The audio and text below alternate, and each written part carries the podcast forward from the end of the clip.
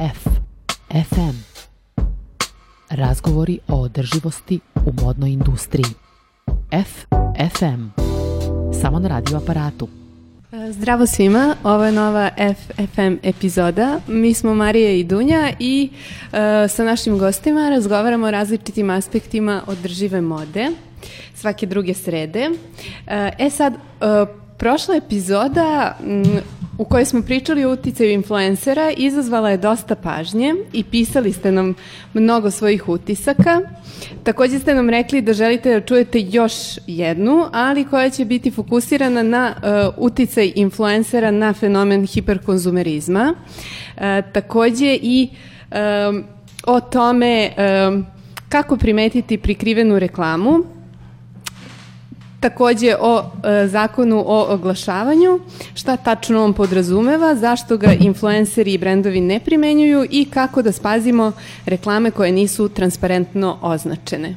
Zapravo je ova tema uh, influencerskog marketinga dosta široka i negde u prethodnoj epizodi samo smo uspele da načnemo celu, celu ovu priču i tada smo probili termin, tako da evo ga danas sledi uh, nastavak.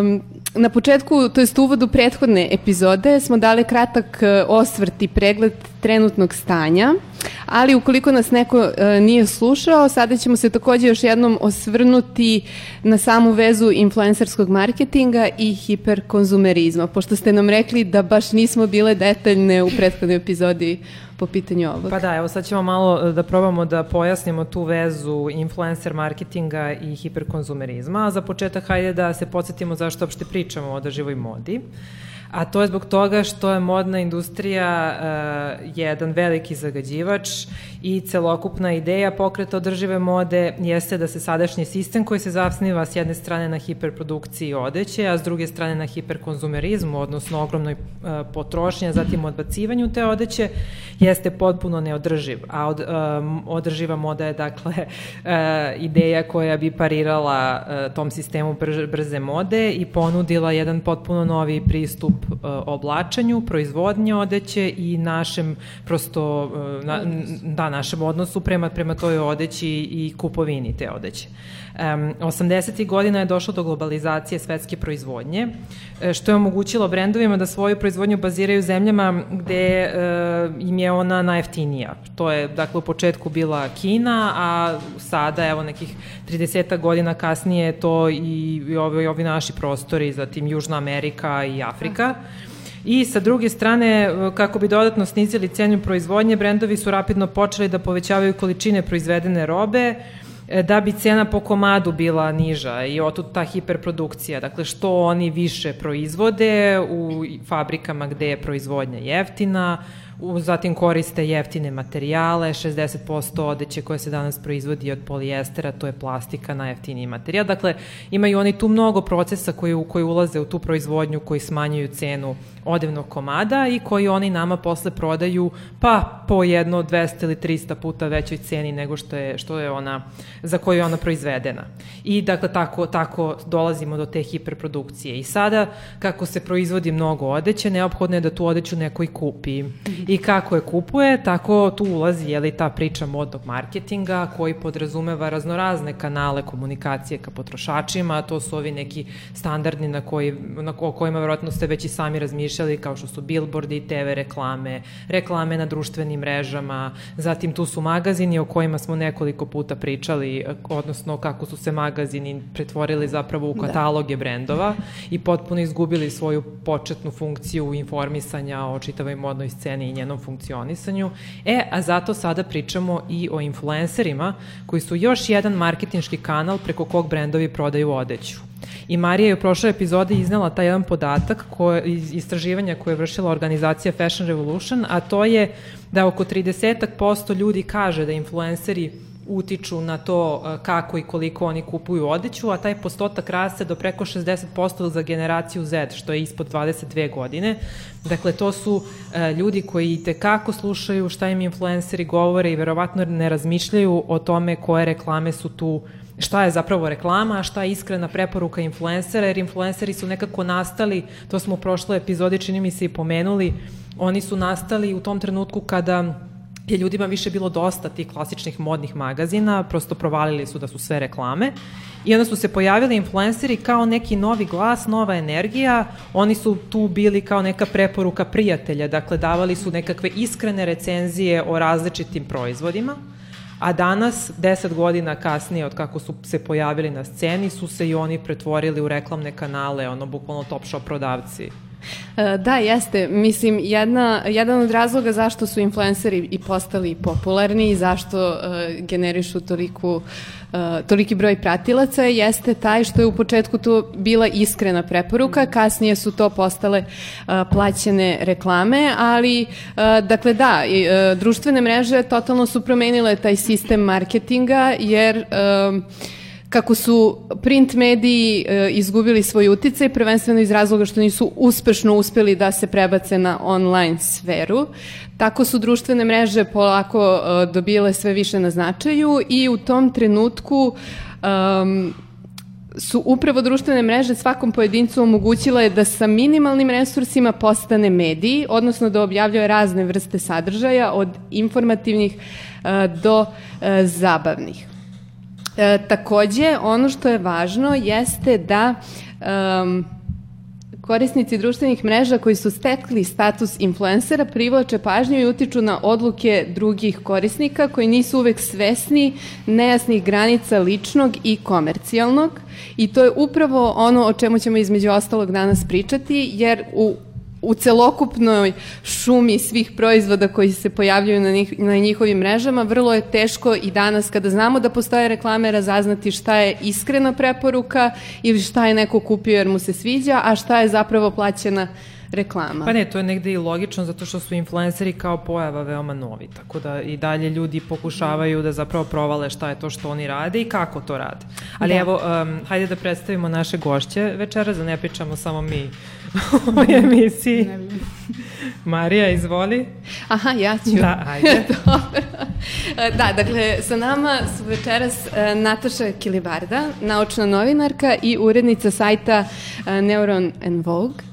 Zdravo Nataša, dobrodošla. Da, mislim, Natašu smo imali priliku i da slušamo u prošloj epizodi i ja sam je pogrešno Kakav predstavila. Da. da. Sada uživo u studiju. Sada uživo pred našim, da. našim aparatima. Da.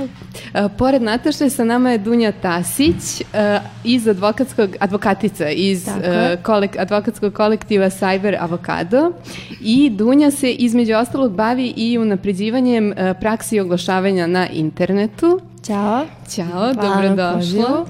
Um, takođe, e, Dunja je jedan od, e, Dunja je jedna od autorki vodiča za unapređenje oglašavanja na internetu u izdanju Share fondacije. Tako je. Da, Eto, pričat ćemo da, o tome da, večeras. super informativno izdanje. Um, hajde, hajde pr prvo pitanje da se vratimo dakle, na taj hiperkonzumerizam i odnos influencera i hiperkonzumerizma koji eto, našim slušalcima nije naročito jasan bio. E, dakle, neki zvanični podaci govore da mi danas kupujemo 400 puta više nego pre samo 20 godina. Um, šta vi mislite koja je uloga influencera u tom sistemu brze mode i dakle hiperprodukcije i hiperkonzumerizma? Pazi, kad kažeš nešto od 400 puta veće u odnosu na bilo šta je nekako već dovoljno impresivno, bez obzira što je statistika generalno nauka za manipulaciju, ali i to je podatak koji, koji je prosto tačan. Kupujemo daleko više, to je podatak iz 2015. godine, a u istom tom istraživanju uh, kažu, imam, imam dva poprilično isto kao podjednako zvučne i problematične, problematične stvari, to je da sama produkcija je dvostruko, pa za 2015. godinu, kažem, dvostruko mhm. puta veća, sada je trostruko puta veća, pričamo 2020. godini, mm -hmm. i fast fashion industriji.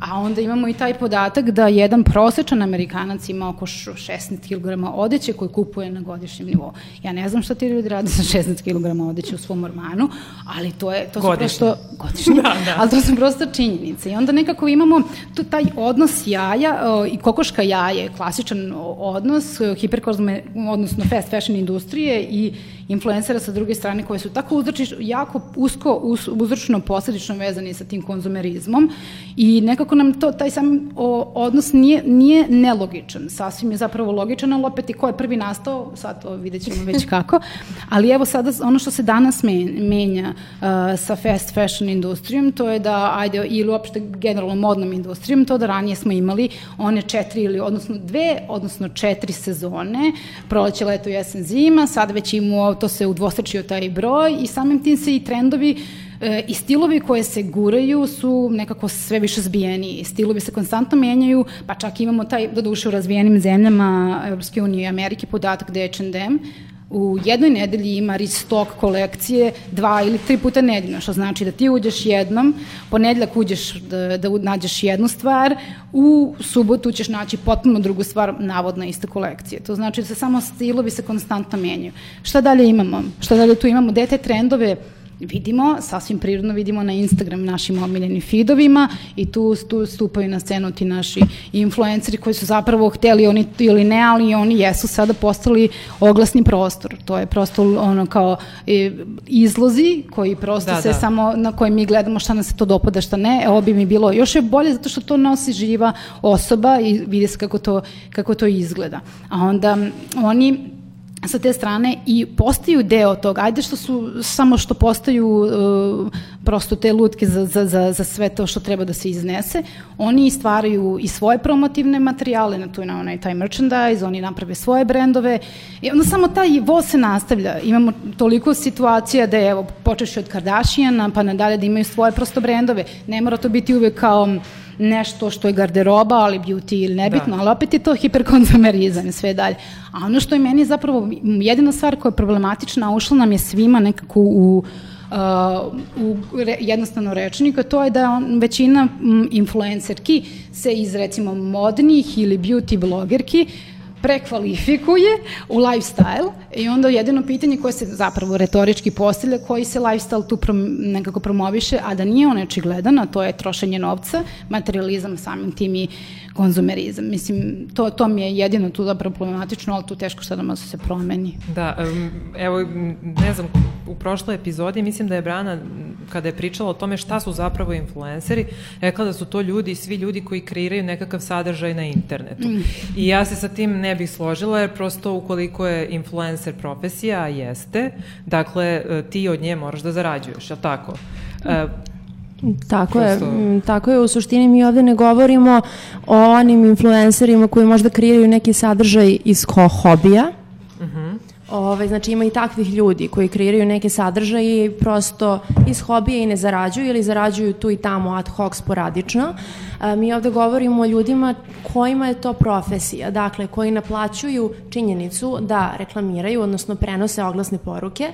Um, E sad, da li su registrovani kao preduzetnici pa izdaju fakture ili ih neko angažuje direktno brand ili marketinška agencija na osnovu ugovora o delu, nebitno je, ili možda ih angažuju bez ikakvog ugovora, što se kaže daju pare na ruke pa je to negde u sivoj zoni e, činjenica da se ne plaća porez, ne plaćaju doprinosi i tako dalje, ali da ne zalazimo u to. Znači, mi govorimo u stvari o ljudima koji zarađuju reklamiranjem i koji samim tim što dobijaju novac i profesionalno se bave time, imaju neku vrstu vrstu odgovornosti. Mm -hmm. Da, ajde samo da kažemo onako da bude uh, skroz uh, jasno. Kako se klasifikuje profesija influencera? Mm -hmm. Dakle, da li su mediji, šta su? Pa, influenceri strogo e, formalno pravno gledano nisu mediji. Dakle, mediji su oni tradicionalni mediji za koje svi znamo, televizija, štampane novine, internet izdanja tih novina praktično ili neki internet portal koji se registruje u registru medija u Agenciji za privredne registre. Znači, oni nisu mediji, ali predstavljaju i takako važan kanal preko kojeg neko može da se reklamira u ovom slučaju. Tako da, upravo na bazi tog nekog poverenja, ja bih rekla, koje oni grade sa sobstvenom publikom, uh, to je uvek nekakva niša i neko se bavi tačno određenom nišom, uh, izgradio je neko poverenje i sad se postavlja pitanje da li će i kad će to poverenje zloupotrebiti time što će nešto predstavljati kao sobstvenu iskrenu preporuku ili staviti hashtag promo, hashtag paid space i tako dalje i tako dalje.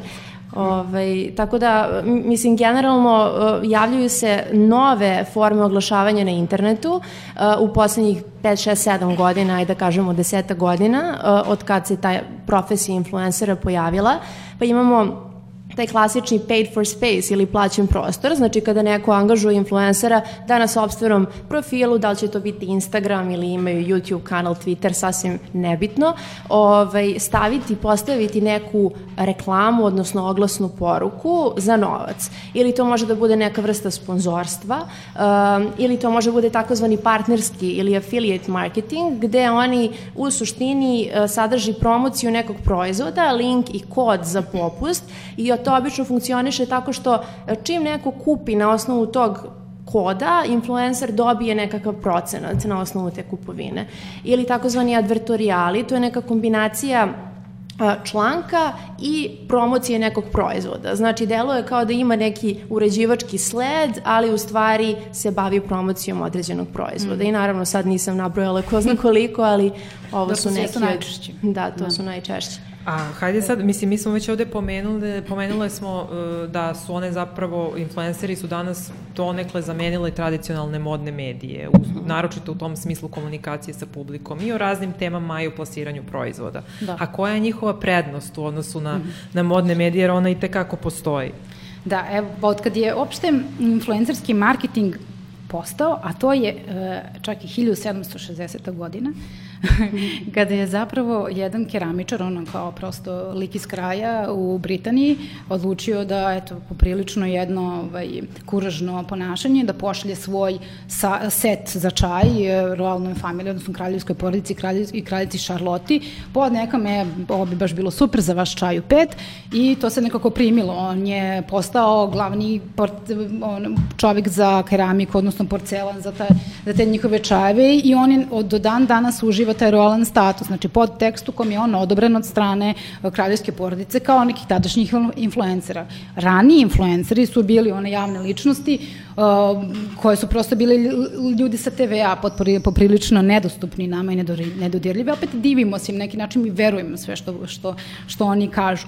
Dok nekako tu je, ajde, Michael Jordan sa na onim multimilionskim ono, Nike, uh, Nike ovaj, tako da. da, Air Jordan, da, pa ne znam, to su ti ranije, pa čak i iz prijatelja ovaj, Jennifer Aniston je imala onu svoju frizuru koju su svi u tom momentu kopirali, a L'Oreal je to iskoristio za one LC, ovaj, svoju prvu kampanju, Kate Moss i te Topshop, mislim, potpuno ih je ona. I onda dolazimo do 2014. godine, ker zapravo postaju zvanično, ok, influenceri imaju saradnju otvorene, otvorene, uh, sa sa, sa brendovima. Zašto? Pa zato što, baš smo ranije pomenule, um, billboardi uh, u, u, kombinaciji sa um, reklamama, sa raznim stvarima koje su abnormalne skupe, recimo ako imamo kampanju koja tačno ima određeni, određenu ciljnu grupu, pa nismo baš sigurni kako će ta metrika da se završi na kraju, ogromne su pare uložene, dok s druge strane, inače sa tog B2C dolazimo na C2C, znači jedan konzum, kupac ka kupcu, konzument ka konzumentu stavu, a to su influenceri, njihov doseg koji oni dosegnu za tačno određenu grupu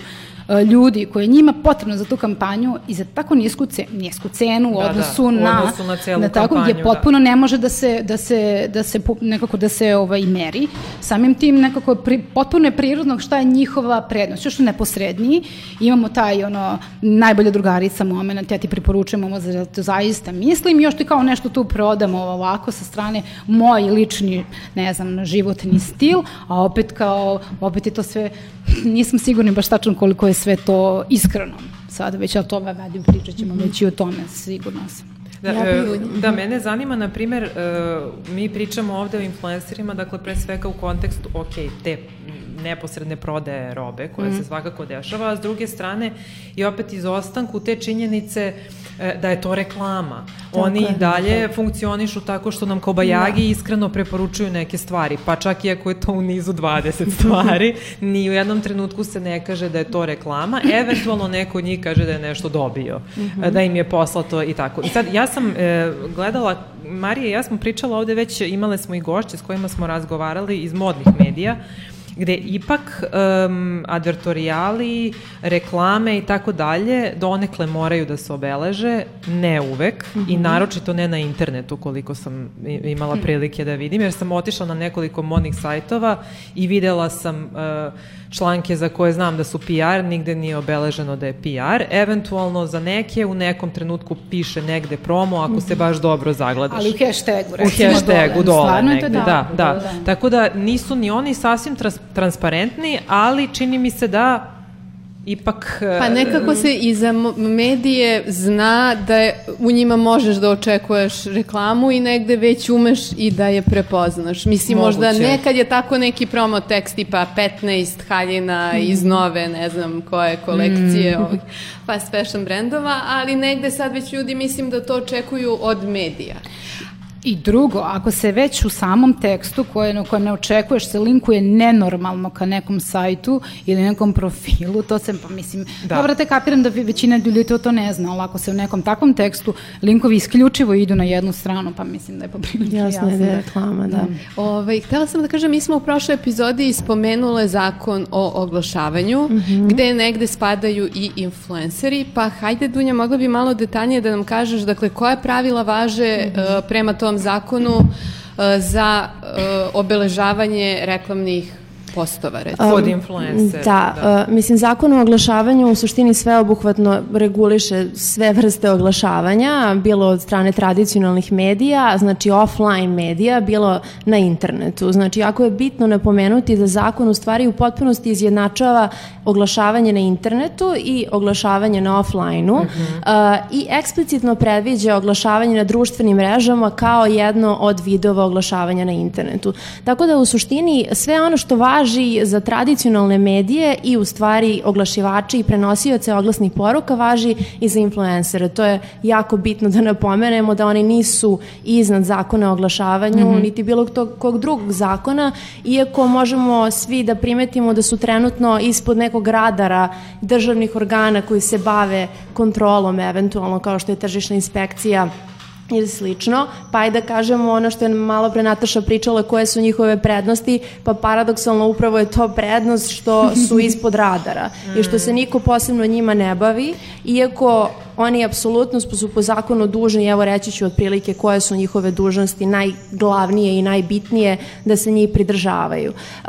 Prvo i osnovno zakon o oglašavanju kaže da svako oglašavanje mora da bude transparentno, mora da bude u skladu sa nekim društvenim standardima odgovornosti, mora da bude istinito i ne sme nikako da ovaj iskorišćava lakovernost i neiskustvo primaoca poruka, a imajući u vidu da su publika influencera upravo deca, mladi, pogotovo nekih naših najpopularnijih popularnijih youtubera kao što je, ne znam, Baka Prase, Marija Žeželj i tako dalje koji imaju, ne znam, Baka Prase preko milion pregleda. E, posebno treba da se vodi računa od strane influencera znajući da im je publika toliko mlada kako će da komuniciraju te poruke i koliko će transparentni da budu.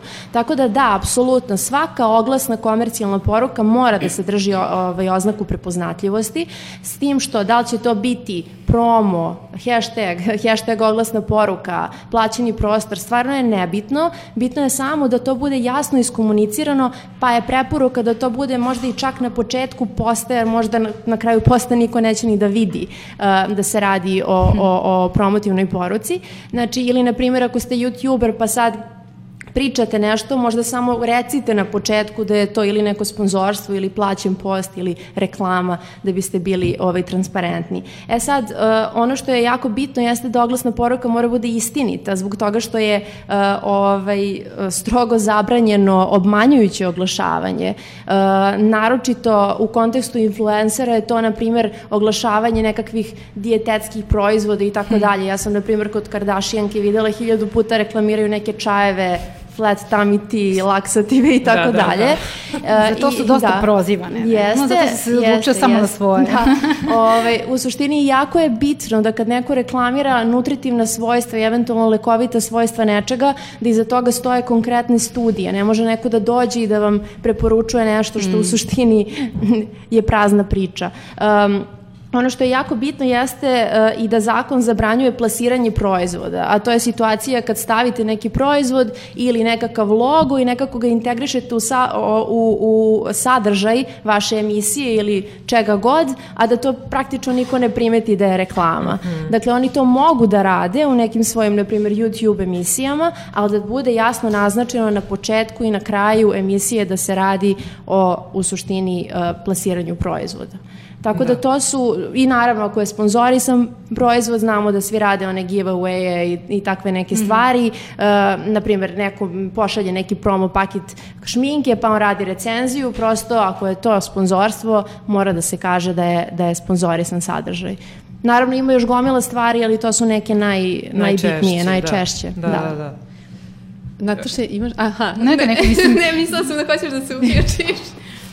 Ne, uh, fino smo to rekle, nego postoji tu još jedna, još, uh, jedna stvar, a to je, ne znam koliko ljudi znaju, ali uh, ta, ta neka spona između brendova i influencera uh, i prosto subjekat koji ima vrlo uh, veliki, veliku ulogu u svemu tome, to su danas marketinške agencije. To kod nas. Tačno, tačno. Kod nas, da. da. Mislim da kod nas redko koji brend direktno komunicira sa to je agencijom. Da, I samo, samo, to rade agencije, Da, samo, samo da kažemo, mislim, koja im je uloga. Dakle, marketinške agencije su te koje uh, prave liste influencera, koji bi mogle da se uklapaju u uh, celu filozofiju određenog brenda i nakon toga u saradnji sa brendovima biraju sa kim će da sarađuju. E sad, takođe i kad se sklapa ugovor, ako on mm -hmm. postoji, a za te neke... Može, ne mora da, da postoji. Da, da ali da. uglavnom ukoliko je cifra veća i kompanija koja je veća, oni svi vode računa u pravnom smislu mm -hmm. što se toga tiče.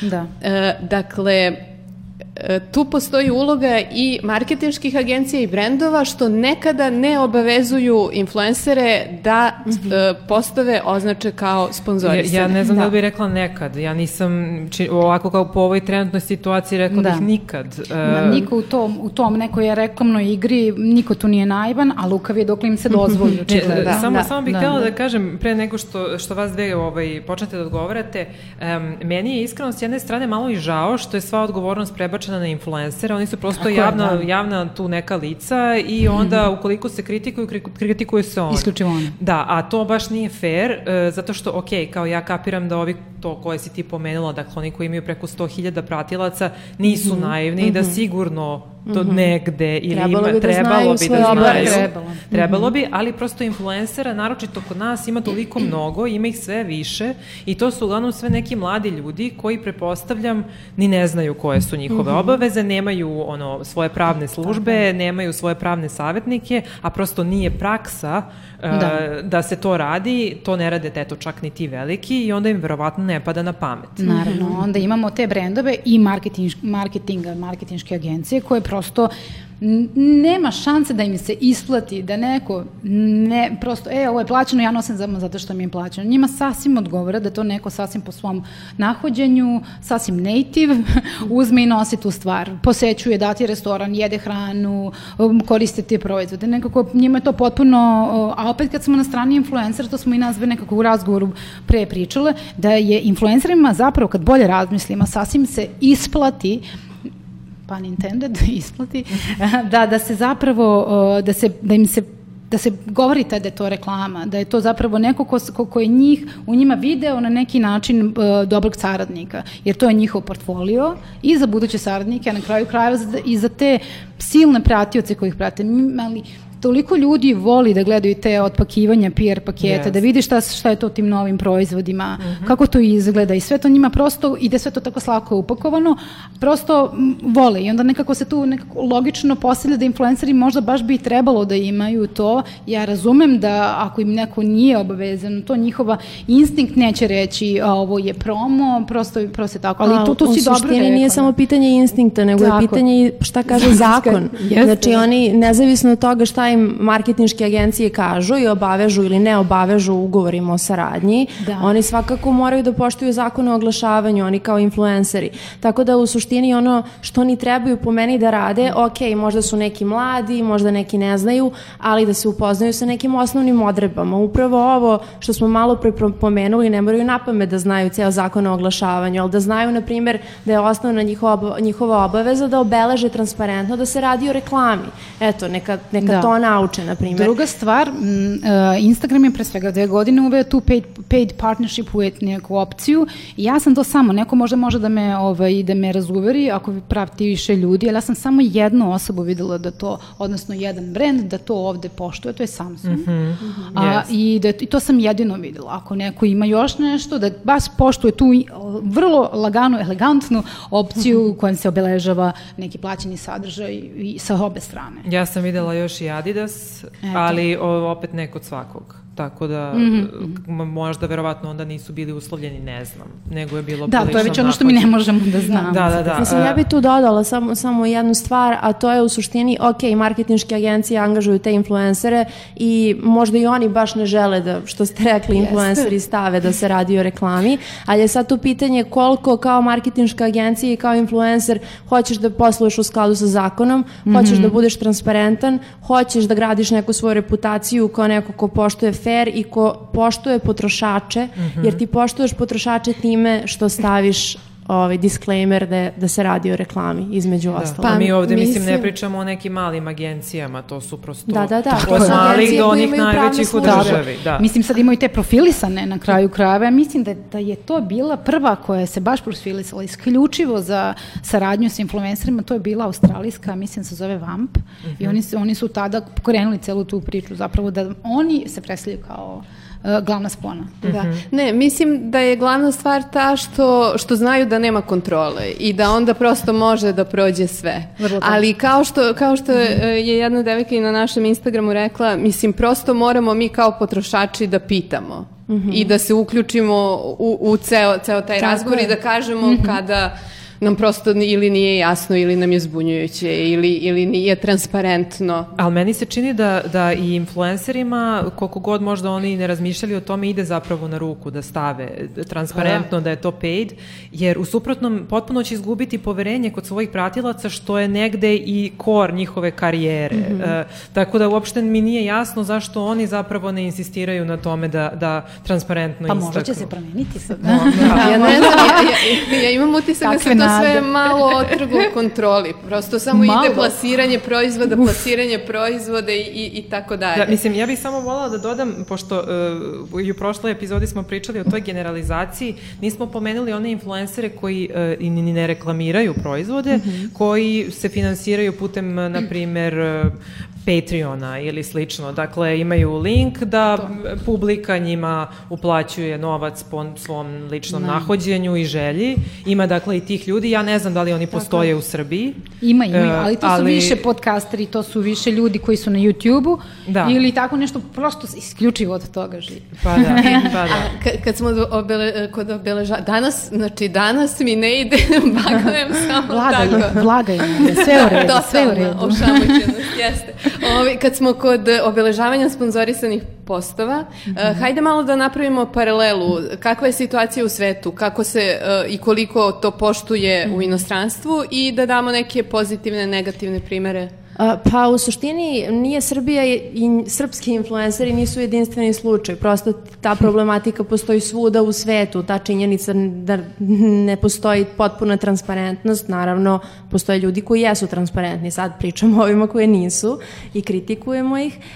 Znači, zemlje poput, ne znam, Velike Britanije i Amerike imaju neka sobstvena regulatorna tela koje se time bave, pa su doneli neke kodekse i ne, nešto što je baš posvećeno influencerima sa preporukama na koji način bi oni trebalo da obeležavaju svoje promotivne postove, YouTube videe i tako dalje, znači bilo koji sadržaj koji je praktično neka vrsta uh, oglasnog prostora, odnosno plaćeni su da prenesu neku uh, oglasnu poruku. Kod nas, na primjer, uh, jedino regulatorno telo koje ja znam da postoji i to je relativno skoro. Ovaj, osnovana je Nacionalna asocijacija za etičke standarde u uh, oglašavanju mm -hmm. i ja sam proverila njihov sajt, oni imaju nekakav kodeks koji je prilično dobar i odnosi se generalno na uh, marketinšku branšu, što obuhvata naravno influencere. Međutim, sa druge strane, uh, ne postoje sad posebne smernice koje su u Srbiji makar, koje su samo ovaj, na influencere usmerene. Eto, to je to. Ali generalno je neka preporuka da se transparentno na kraju, na početku posta ovaj, stavi da se radi o, o reklami i na to se otprilike svode i ovi uh, inostrani, da kažem, kodeksi. Um, A da li se poštuju? Da li si imala prilike možda pa malo ja, da pogledaš? koliko sam videla, ja kao potrošač i neko ko, na primjer, ima Instagram, ja mnogo češće puta vidim da nešto nije obeleženo, aha, aha. nego, nego da, da jeste. Sad pričamo da. o ovim svetskim velikim influencerima, ja vidim tu i tamo nešto piše hashtag ad ili hashtag, ili gore mm -hmm. tagovano paid partnership with yes ne sa nekim, ovaj, ali vrlo često vidim da, da u suštini uh, nema nekih, bog zna kakvih posledica, ali um, stela sam da spomenem jedan primer koji po meni je u stvari naj, najznačajniji primer koji se desio u poslednje vreme i koji je u stvari postavio pitanje te influencerske odgovornosti u svetu, a to je tako taj Fire Festival koji je trebao da se desi 2017. godine, čini mi se na Bahamima ili tako nekom rajskom yes. ostrovu.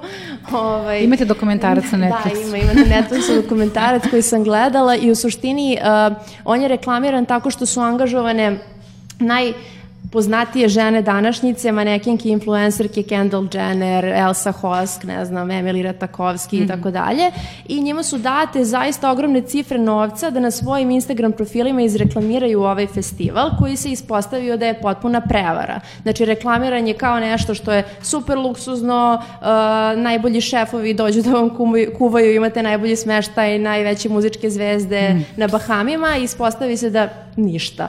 Ovaj, I sad se postavilo pitanje, prvo i osnovno pokrenut je stečaj pred njujorškim sudijom, uh, protiv vlasnika celog Fire festivala. Organizator Fire festivala čami u zatvoru i tamo će biti šest godina. Pa se postavlja pitanje uh, koja je odgovornost osoba koje su najveći uticaj imale da neko kupi tu kartu i koja je odgovornost konkretno Kendall Jenner koju je plaćeno 250.000 dolara, znači ogromne pare. Za jedan post. Za jedan post koja je njena odgovornost u svemu tome. Tako da, uh, u suštini njujorško pravo je dozvolilo poveriocima Fire festivala da. da tuže te influencere i da zahtevaju neke pare nazad. Koliko sam ja uspela da pročitam, Kendall Jenner se nagodila tu, zaključila neko sudsko poravnanje po srpski rečeno i ovaj, morala da plati 90.000 dolara. Dakle, mnogo manje nego što je dobila. Da, da, da, ali samo, samo taj osnovni princip, ako neko uzima pare, pogotovo ako uzima velike pare, mora da tu bude skop, to bude skopčano sa nekom odgovornošću svako od nas radi svoj posao, prima neke pare za taj posao i odgovoran je za taj posao. Pa da, ali uh, u Americi ipak postoji um, taj ono sloj društvene osude uh, na da. koje su da, da. javne ličnosti naročito ono nisu imune, da. Um, I to je njima je vrlo važno, naročito, eto videli smo sad to za vreme ovih protesta, kako su svi jako oprezni da. u tome šta pričaju, jer prosto uh, de, dešavaju se ozbiljne reakcije na društvenim mrežama koje mogu da ugroze njihove karijere, a kod nas to ne postoji. Mislim, mi mhm. živimo u državi u kojoj nije važno, ne postoji odgovornost ni za šta, ne postoji, ne postoje posledice ni za šta, bukvalno ono za mnogo ozbiljnije stvari, a kamoli za lažno oglašavanje na internetu ili kao što je Nataša pominjala u prošloj epizodi deljenje uh, teorija zavere i da. uh, upućivanje mm -hmm. ljudi na neke dezinformacije i tako dalje, ovaj, o, o nekako izazivanje opšte panike. Da. E, tako da um, nekako ne, ne, nažalost nažalost, ne, ja ne očekujem od ljudi da reaguju na to, ali ipak mi je s druge strane E, s druge strane ipak bi očekivala od brendova da reaguju na neke mm. stvari, a to se takođe ne dešava, dakle i brendovi razmišljaju samo o, o prodaji. Da, misliš i... u smislu, e kao ovo je nešto rekao, mislim da više neću da sarađujem da, sa njim. Da, mm. prosto kao, da. kao, ja kao brend e, ne želim da stojim iza, iza ove toga. osobe, um, iza nečega što ta osoba radi ili govori, mislim da to da. takođe kod nas ne postoji uopšte. Da, ali vidiš i to što, što je pomenula ranije Marija, taj moment u kome se biraju uh, brendovi, uh, brendovi biraju koga, brendovi biraju koga će zapravo da imaju u svom portfoliju, uopšte ko će da ih predstavlja. Nisam sigurno koliko se to detaljno koliko se detaljno pristupa tome, u smislu se na neki način malo istraži kako ta osoba zapravo komunicira sa svojim pratiocima, kamo li to, kako, kako, ne samo kako to izgleda i koliko brojeva ima. Nekako, ja kapiram da svaki od tih da. influencera ima neki svoj ono mini, mini ponudu prosto u kojem se da. kaže da. koliko, koliko im je portfolio vezano za brojeve, za rič i prosto, jer to i vidimo na kraju, ishvale se time, ali nekako, ako šta je tu već kao obaveza jednih i drugih nije mi jasno, pogotovo ako imamo ljude, što je tu kvaka 22 zapravo, ako imamo ljude koji, kojih kako nabeče, na, samo na dnevnom nivou ima 500 miliona aktivnih, na mesečnom milijardu. Ljudi moji, to, to je sedamina planete na kojoj živimo, je aktivno na, na Instagramu. Mi shvatamo da tu ima raznih osoba, prosto većina da. nas, većina nas i sa svom nedostatkom to vremena je prosto možda fokus nam je prosto na vrlo niskom nivou. Ja sam samo sad, prosto vidimo kako mi funkcionišemo. Taj tap, tap, tap za storije je prosto takav.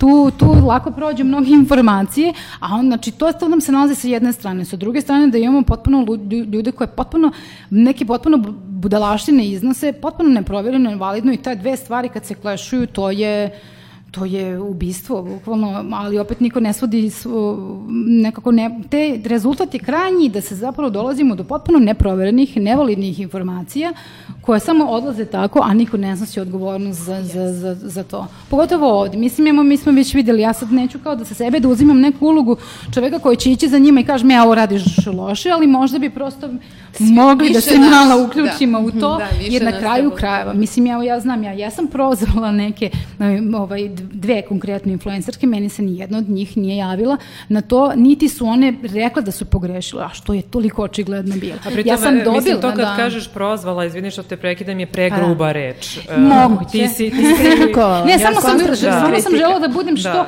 ja sam se malo kasnije kao, bože, da li je to moglo biti malo uh, kao malo blaže, ali u stvari čekaj prema kome su, da li su one bile prema silnim tim ljudima, ja sam možda samo prestroga i odnosu prema sebi i tako nešto, ali neću da, mi se, da imam tu etiketu čoveka koja prosto žene kojim nešto ide protiv druge žene, znate već kako to sad malo i ide ali ovaj, čija je tu odgovornost, mislim da je sa svačije strane. Mislim da se razumemo, nisu to samo žene koje šire dezinformacije. Naravno. Naravno. Neke Mi imamo nas, pogotovo sad. Mislim, o nasilništvu i tako dalje. Mm -hmm. Mislim, Mizoginost. Da, da, ima, ima tu ovaj, svega i svačega i zato nekako ipak sam očekivala da zapravo ljudi koji su u brendovima i, ili koji zastupaju brendove vode računa o tome, ali pa, zapravo ne. Očigledno ne. Da. Što je rekla da. Nataša, sve se svodi na brojke. Kako, na, bukvalno, na, iz ličnih iskustava znamo. Njih potpuno briga, ali stvarno ono kao ne bi sad iznosili neke stvari koje prosto iz nekih prosto NDA ili drugih stvari, ali jasno mm -hmm. nam je da prosto ljudi, m, njih nije to briga. Ako da. je krajnji cilj postignut,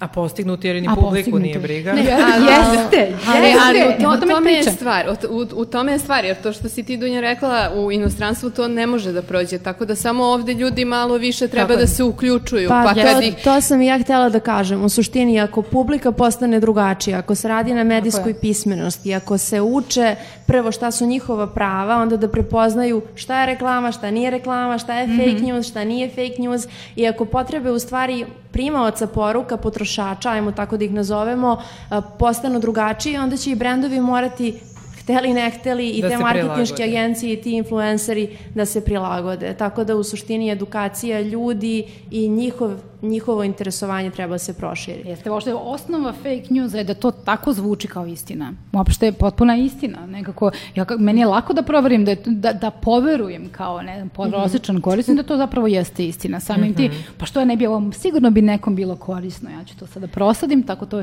tako se zapali, a baš sam i juče imala neku, ovaj, nešto vezano za to slično, ali kada jednom pustimo informaciju koja je potpuno netačna, jako je teško kontrolisati u kom smeru se to... Možemo raditi korekcije, debunking i bilo kakve, ali to već prekasno. Mm -hmm. To je mhm. već otišlo negde da je jako kasno i to se na uvek nasima posle pojedincima koji reće, e, ali to nije tačno. E, samo ne čuješ da. se. da, da, evo. E, a, ajde da kažemo sad kad si spomenula mm. fake news, uh, da kažemo uh, kako bi ljudi mogli da uoče skrivene reklame i, pa, i, i fake news. Da. Mm -hmm. pa, pa u suštini, evo, ja ću da kažem, pa ti Nataša, ako imaš, mislim, evo ja razmišljam kao potrošač, ovaj, ne kao advokatica. Znači, meni u suštini, uh, ako, ne, ako je neko influencer, ajmo, pošto se fokusiramo na njih, uh, i nije stavio hashtag promo ili neku drugu ovaj, oznaku prepoznatljivosti, a lupam, bra, bra, bavi se beauty bloggingom ili neki beauty influencer, stavio je Volt ili Lenor na, na ovaj post, ja bi odmah rekla da se tu radi o reklami. Pogotovo kad svi u isto vreme radi jednu te istu da. stvar. Pa tako je, ili na primjer je samo tagovao taj neki brand, mislim prosto pročita se ono što je napisao kao caption i vrlo lako, ja mislim, onako, onaj ko se jole u, u dubi može da sazna. Naravno, postoje situacije kada apsolutno to nije lako ovaj, prepoznati. Ali u tom slučaju treba malo kritički promišljati, ok, da li meni ovo treba? Ajmo da vidimo recenzije kod nekih drugih influencera ili negde drugde, od nekih drugih izvora na internetu i onda da donesem zaključak da li mi objektivno to nešto treba ili mi ne treba, a ne da kupim samo zato što je moj omiljeni influencer to stavio na, na profil. Evo ja moram e, da, da ispričam e, jednu situaciju mo, sa mojom mamom koja, da, koja prati influencere mm -hmm. i sad kaže ona meni eto slušala je proteklu epizodu i kao eto nije razmišljala o tim reklamama, je posto to su ljudi koji su živjeli u nekom drugom sistemu gde je vrlo jasno bilo kao, tako je, obeleženo, prostor, da. tako je, ono reklamni EPP. prostor, naš Jeste, medijski prostor. sponsor i tako dalje, jel? A to se sad potpuno izgubilo i sad ona meni kaže, pa kako ja da znam koji ću šampon da kupim? Ja odem kod svoje te neke influencerke koje ona prati, ona je preporuči neki drugi šampon i onda ode kod druge omiljene influencerke koje preporuči isti šampon i onda ona tu zaključi da je to dobar šampon. da. Znači, Dunja, moraš da obratiš pažnju da to njena mama, znači da. nisu više mladi, samo da. ljude pitanju, pa nisu, a ove su da, stariji da, podjednako, oni tek da, nemaju da. pojma šta ih je snašao. Da. znači, bukvalno, oni šta je sad ovo, ja mislim da to sve istina, razumiješ, mm. to je sve, ako je pre, neko tako preporučuje, 100% mu radi. ne, ja mislim da ima sigurno i toga da kao i klinci, na primjer, kada vide tu jednu istu stvar kod svojih pet omiljenih influencera, da onda oni kupe to čisto zato da, da bi imali e, pa, i oni. eto, ali to si sad dobro rekla, to je isto još jedan od načina kako prepoznati da je nešto reklama. Ako da. se u isto vreme, u isto vreme, da mislim, odjednom vidimo Volt, bože pravimo reklamu sada ljudima koji za to nemaju mesta, ali pomenuto, prosto imamo jedan da. ono brand ovaj, ko, ko, koji ide sve odjedno, pa ja sad imamo Pantene, pa. svi dobijaju i to, pa sve gledamo, da. razumeš, sve meni to, ja, sve trebalo bi da bude jasno, ali nisam sigurna koliko ljudi su. Pa i koliko zapravo imamo vremena da odemo na sve Ma, te kanale, ključno, da, da bismo uopšte vidjeli da li je nešto reklama ili ne, opet ne možemo da znamo da li je reklama ili ne. I, uh, mislim, na kraju, ja sam, mene ona, mama me pita kao, pa kako ti uh, znaš da ćeš nešto da kupiš? Kao, kako, gde se informišeš? Ja se ne informišem više kod influencera uopšte. ja im ne verujem uopšte. Da. Ranije jesam, moram da priznam. Imala sam te neke svoje kao koje sam gotivila, sad više ne pratim, ne, ne verujem im, to je, to je glavno. I um, odem, na primer, na stranu brenda i čitam recenzije korisnika. Tako je. I tu imaš onda razne neke Naravno, utiske. realistične. Tamo da. gde imaš one situacije koje imaš jednu zvezdicu u odnosu na pet zvezdica i tako da, da to su, te da. tima možeš sve, je, svako je mo moguće ovaj, kao prođeš svaku, svaku da. stvar. Da, ne, čak sam počela, uh, razmišljala sam o tome da ne verujem influencerima i kada nešto kritikuju. Jer sam uvek u fazonu, ono, ne znam, možda su, sad, ne lažu, nego ko možda su imali neki bif s ovim brendom, otkud znam. Mislim, mm -hmm. prosto sve se ono svodi na odnos brendovima. Da, a opet I... tu niko nije konzistentan. Meni su to zapravo toliko strašne stvari da li ne, ne skotaju da rade na internetu gde se sve pamti, sve je tu. Ja kapiram da naša pažnja toliko, ono, osu, toliko je oskudna i fokus je neverovatno mali, ali prosto ne možete u, iste, u istom danu imati potpuno različite opračne situacije. Opet opet neću da iznicim, ali potpuno su nekako, samo da bi napravi, meni, ja se više gnušam stvari u kojima je neko 10 10 storija napravi, neku origin story nekog, neke kampanje koje hoće da uradi, na kraju saznamo posle 15.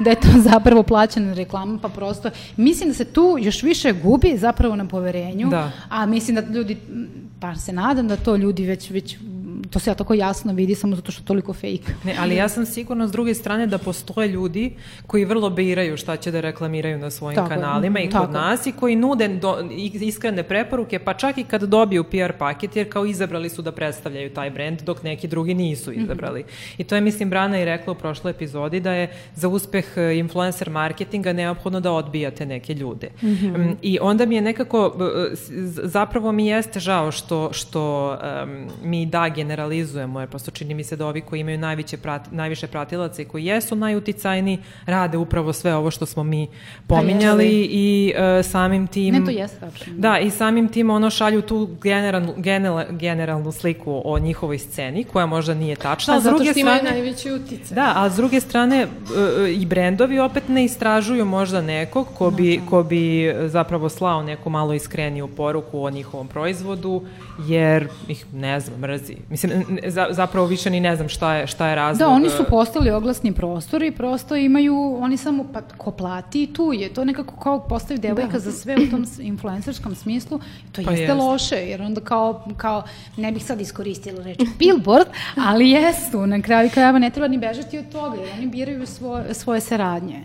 Na kraju krajeva za to se dobija novac i Tako. sve je okej. Okay. Aj, ajde da spomenemo neke pozitivne prakse. E, Dunja, vi ste u ovom vodiču za unapređenje e, praksi oglašavanja na internetu dali određene preporuke kada je reč o online mhm. oglašavanju? Mm -hmm. Pa sad, sad te preporuke mogu da se odnose i na influencere, mogu da se odnose i na marketinške agencije i brendove koji ih angažuju i na nas kao potrošače, tako da eto, što se tiče generalno ovaj, influencera, preporuka je jasna da budu transparentni i da obeležavaju uh, svoje postove prosto na način na koji neko sa prosječnom pažnjom može da vidi da se radi o poruci, uh, o oglasnoj poruci, da ne rade to na neki način koji je opet prikriven. Za marketinške agencije sad zavisi kako hoće da posluju. Kažemo, u jednom trenutku će ljudi da više kritički razmišljaju, da se osveste, da tako kažem, ovaj, tako da će to naterati te marketinške agencije da posluju i transparentnije i da grade svoju reputaciju kako treba Mm -hmm. a ne da biraju možda neke influencere samo na konto toga koliko followera imaju. Uh, za nas kao potrošače u suštini moramo da radimo na svojoj medijskoj pismenosti, moramo da radimo na edukaciji da znamo koje su nam prava kad su nam prava povređena, ovaj, i generalno je neka preporuka da se postiče ta se, samoregulacija, znači ta tela koja u stvari jednu nišu uh, industrijsku uh, regulišu, kao što je ovaj, uh, ovo telo koje sam malo prepomenula, i da jača njihov uticaj, da okupljaju u stvari te ljude oko sebe i da prave kodekse koje bi trebalo da se poštuju. Da, mislim, negde čini mi se da je važno da kažemo eto, svima, svim kupcima i svim ljudima koji nas slušaju, da ukoliko, da je važno da se postiče taj razgovor, da ukoliko da. se osjećate dijalog, obmanuti, tako da, da, dijalog, da, da, da prosto pitate, da, da postavite pitanje ispod posta influencera da li je ovo reklama. E, da. Mislim, ne mora da znači da ćete dobiti odgovor na to, jer može da se desi da vaš komentar bude izbrisan, ali onda napišite da se komentari da. brišu. Mislim, prosto, e, e, e, pa je. Tako, tako neke stvari moraju, ne, neko nam je bio napisao na, na Instagramu, pošto na Instagramu mi, mi često vodimo tako razgovore sa, sa ljudima koji nas prate, e, kako se ljudi zapravo stide da postavljaju pitanja i pa da je to Pa to nekako mislim da ima veze sa našom kulturom. Nije prosto dijalog nikad postican, ja mislim, kod svih nas od prvog razreda osnovne škole, ja sam se uvek stidela da postavim pitanja. Ok, možda zato što sam žena, pa ima i, ima i toga, ali nekako nismo tako, nije nam takva kultura kultura, zato kažemo u Americi svako svakog pita nešto i uh, ajde da kažemo daje konstruktivnu kritiku i postoji taj društveni dijalog i društvena kritika, a mi nismo baš podneblje za to i baš zato treba da radimo na tome što vi, mnogo više. Pa naravno, mislim, uh, moj utisak je to, to je nešto naša se i influenceri najčešće žale, jeste da od uh, nekog dela publike dobijaju veoma negativne kritike, uvrede i tako dalje, pa eto umesto da vređamo ljude, da bismo da. se osjećali manje u, ovaj, uvređeno, povređeno, obmanuto, možda je bolje da im postavimo pitanje. Mislim, ja kapiram da, se, da je većina ljudi možda ne postavlja pitanje, se boje da će ispasti glup ili glup. Da. Tako da nekako mi se to ovaj, možda se više učitava, nego, kao internet nudi neku vrstu mm -hmm. anonimnosti, ali opet mislim da svako, m, živimo to doba screenshota, svi se toga plaše. A ne, ali ne, na primjer, ali... meni je bilo zanimljivo, razgovarala sam s jednom drugaricom um, kada smo prvi put pomenule ovu temu uh, internet oglašavanja, odnosno obmane potrošača kod influencera i ti si, čini mi se, ne znam, jedna od vas dve je poslala link share fondacije, um, prijavi reklamu, je tako? Skrivene reklame. Skrivene reklame, da. E, gde svi mi potrošači, znači sajt se zove skrivene reklame.rs i postoji onaj jedan boks gde vi možete da prijavite reklamu za koju mislite da nije adekvatno mm -hmm. da. na, jeli, navedena da je reklama. Da. I um, drugarica me to rekla, pa ko ima vremena to da radi? Pa mislim, ako imaš vremena da pljuješ influencerku u komentarima, imaš vremena da. i da prijaviš lažnu e, reklamu. E, samo nisu navikli i to je to, da. Ali, da, ali sad je pitanje da li su isti ti ljudi koji, koji samo tako, mislim, kritikuju, da su isti oni koji, kojima smeta kada vide reklamu. Mislim, i to je isto vrlo diskutabilno. Da. Mislim da je tu važnije da se stvara ta kritička, e, kritička svest i komentar, Tako kao što je, ste znači, rekli. ne govorimo jeste. o cyberbullies. Da, da, da, da mislim, mislim ono, da. da nisu to isti ljudi. Mislim da je važnije one koji su tihi i stidljivi da se prosto oslobode i pokrenu i da znaju da imaju pravo da postave pitanje i da znaju, to je čini mi se i Brana pričala, da treba da se, mislim, da se kaže svoje mišljenje. Samo opet je tu isto problem što su to uglavnom mladi ljudi. I onda to su, to su ljudi koji su i dalje u formiranju jeste, i svojih da stavova da i karaktera i svega, jeste. Tako da to nekako... A onda ni influenceri ne bi trebalo da se igraju to nedodirljivih pa da ne čitaju niti komentare, niti za, pogledaju malo te svoje requested stvari, ali nemaju vremena. Dakle, da nekako, ako neko već misli da neće biti odgovoreno, to već se na kraju nekako se misli. E, samo ne čuješ Ne, onda neće možda teti ni da postavi. Ako zna da ono kao samo će vikati u prazno.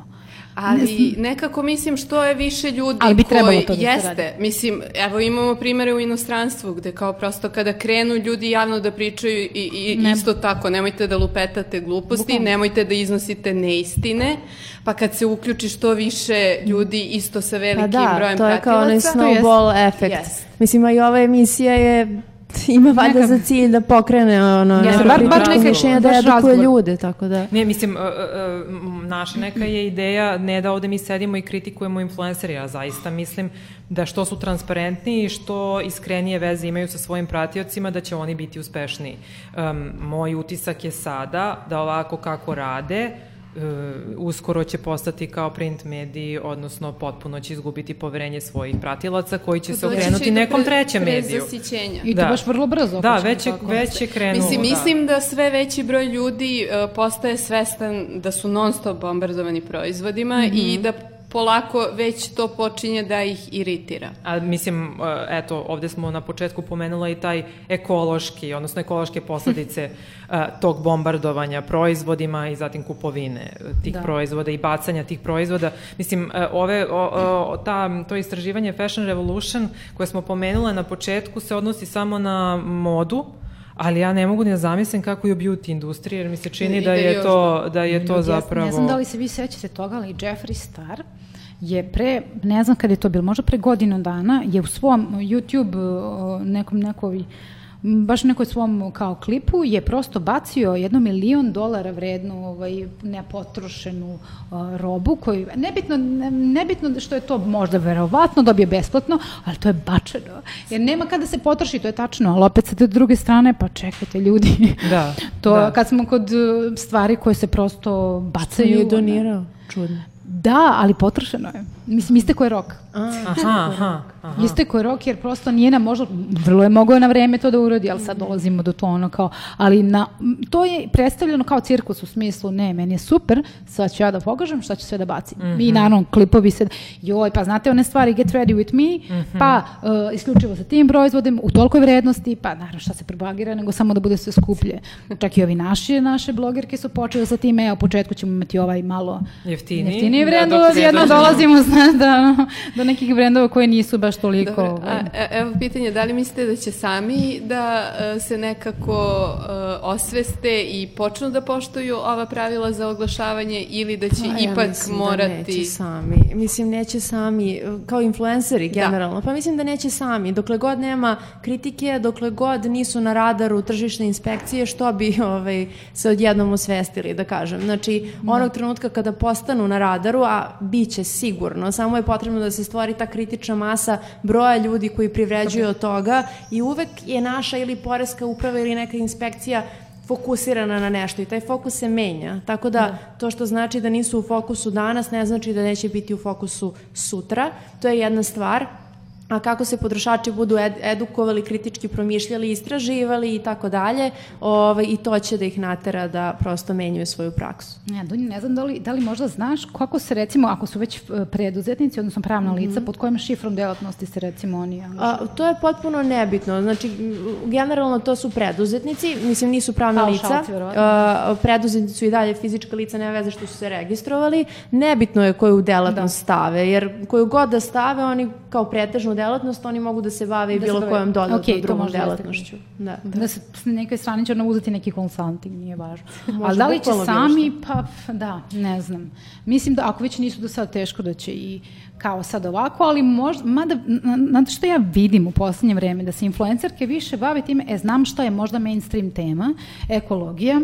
da. I ja ću sad nešto vrlo paušalno da kažem, ali bit će zvučno, možda će nekome to značiti. Ali oni sad nanti sa onim glasom, da. onako. Da. Nemojte mi više slati ovakve, nemojte mi više ovako, ja samo želim isključivo ekološke stvari. Nekako, najgore što, što, što ja ne verujem tome, ali nekako ima, pa će možda koristiti iz tih namera, pa možda dođe do nekih trenutaka kako mi će zaista to biti možda iskreno. Da, da. možda. Možda. e, moje, moje, moram da kažem samo za kraj da je moj utisak isti kao i Dunjin, da neće. Mm. I mislim da nam je to, uh, iako je, kako da kažem, da se ja bavim tim poslom, meni bi to bila normalna i prirodna stvar, da ja budem neko ko postavlja trendove, ko razmišlja pre publike i servira informacije pre svih. Da jer meni, ako bih imala kanal, bi originalnost bila kao jako važna, ali dobro, razumem da to tako nije svima i sigurna sam da postoji određeni broj ljudi koji to rade, samo su možda mali i mi ih ne vidimo ili manji, um, ali e, opet ćemo pomenuti Branu koja je u prošloj epizodi rekla da uticaj zapravo dolazi od publike. Dakle, meni je to negde bilo indikativno kako influenceri razmišljaju, odnosno prema mm. čemu grade svoje kanale i informacije koje komuniciraju na tim kanalima, a to je upravo možda i ovo mhm. da je, e, što si ti pomenula, eto sad je eko popularan, pa ću ja da komuniciram eko, to je e, on ili da. ona negde čula. Imali smo e, sad vezano za Black Lives Matter mnoge neke tu stvari na, na kanalima influencera, ali vrlo vrlo redko ono što zapravo se tiče same, samog pokreta Black Lives Matter i tako. Um, ili ipak mi deluje da, da, da, ili generalno rasizma, bilo je naravno, mm. um, bilo je zaista, ja sam videla na nekim profilima jako, jako dobre poruke, ali videla sam i one koji, koji su mi delovali kao eto, ovo je sad popularna tema, ajde da i ja... Uh, Stavit ću crni da. da. da.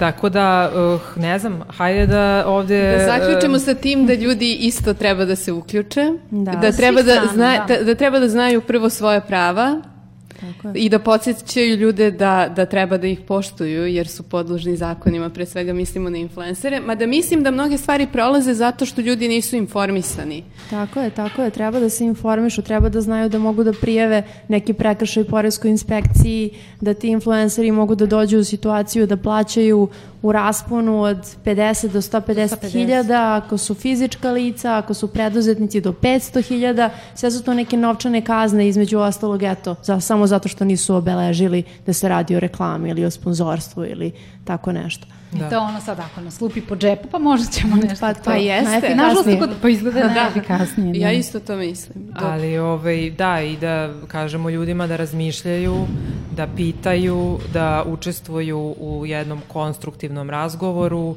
Um, nije poenta samo nekog prozvati, potrebno da. je napraviti pozitivnu promenu, tako da eto, uh, hajde da razmišljamo o tome kako da zapravo učinimo te influencere onima što, onim, onim što su bili na startu, a to su bili ti yes. neki iskreni, zanimljivi ljudi koji su nam pružali sadržaj koji nismo mogli da vidimo bilo gde drugde. Da. Eto. Da, eto, mislim uh, da ćemo s ovim da završimo. Hvala što da ste nam bila u gostima. Da. Hvala, hvala vama hvala. što nas slušate i opet smo tu za dve nedelje.